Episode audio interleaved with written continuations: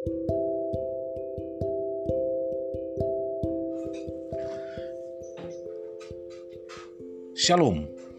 Selamat malam Bapak Ibu Saudara-saudaraku yang dikasih oleh Tuhan. Hari ini kita bertemu kembali dalam renungan malam. Hari Selasa 24 November 2020. Dan tema kita pada malam hari ini berbicara tentang jangan turut nasihat orang fasik. Bersama saya Pendeta Sabta B. Utama Siagian. Berbahagialah orang yang tidak berjalan menurut nasihat orang fasik, yang tidak berdiri di jalan orang berdosa, dan yang tidak duduk dalam kumpulan pencemooh. Mazmur 1 ayat 1 Ibu bapak saudara-saudaraku yang dikasih oleh Tuhan, banyak orang ketika punya masalah yang berat atau menemui jalan buntu, langsung mengambil gadgetnya dan mencurahkan semua curahan hatinya lewat media sosial, berharap mendapatkan solusi. Tetapi apa yang terjadi, Bapak Ibu Saudara-saudaraku, jalan keluar tak didapat, keadaan pun semakin runyam karena ia mendapat komentar-komentar pedas atau cemoohan dari netizen. Ada pula orang yang punya masalah tanpa berpikir jernih langsung meminta nasihat kepada orang pintar, dukun, dan paranormal Padahal nasihat orang fasik tak memberi jalan keluar, justru semakin menjerumuskan, sebab jalan orang fasik seperti kegelapan. Amsal 4 ayat yang ke-19. Bapak ibu saudara-saudaraku, jadi bagaimana? Apa yang harus dipilih? Memilih berjalan menurut nasihat firman Tuhan atau berjalan menurut nasihat orang fasik?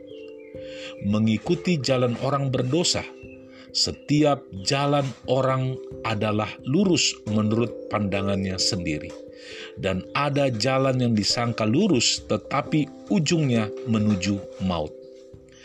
Kalau kita menuruti nasihat orang fasik, hidup kita bukannya menjadi lebih baik, tapi semakin hancur.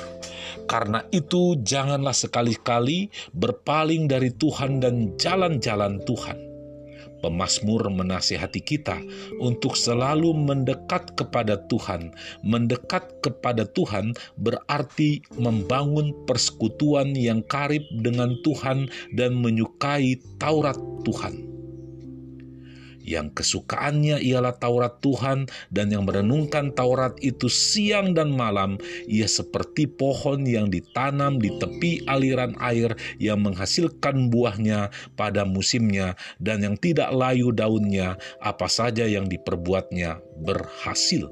Mazmur 1 ayat yang kedua dan ketiga.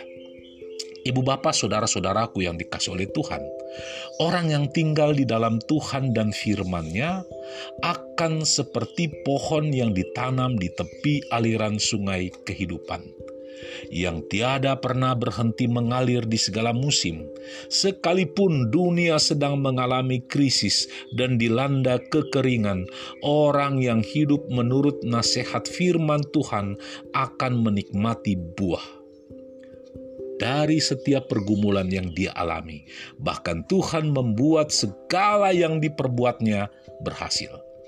Ibu bapak saudara-saudaraku yang dikasih oleh Tuhan, pada renungan malam hari ini kita diingatkan kembali, nasihat firman Tuhan adalah jawaban untuk semua permasalahan hidup kita. Untuk itu, berharap saja kepada Tuhan, andalkan hidup kita kepada Tuhan. Dia Tuhan itu yang memberikan solusi terhadap masalah yang kita hadapi. Selamat beristirahat, selamat malam, shalom.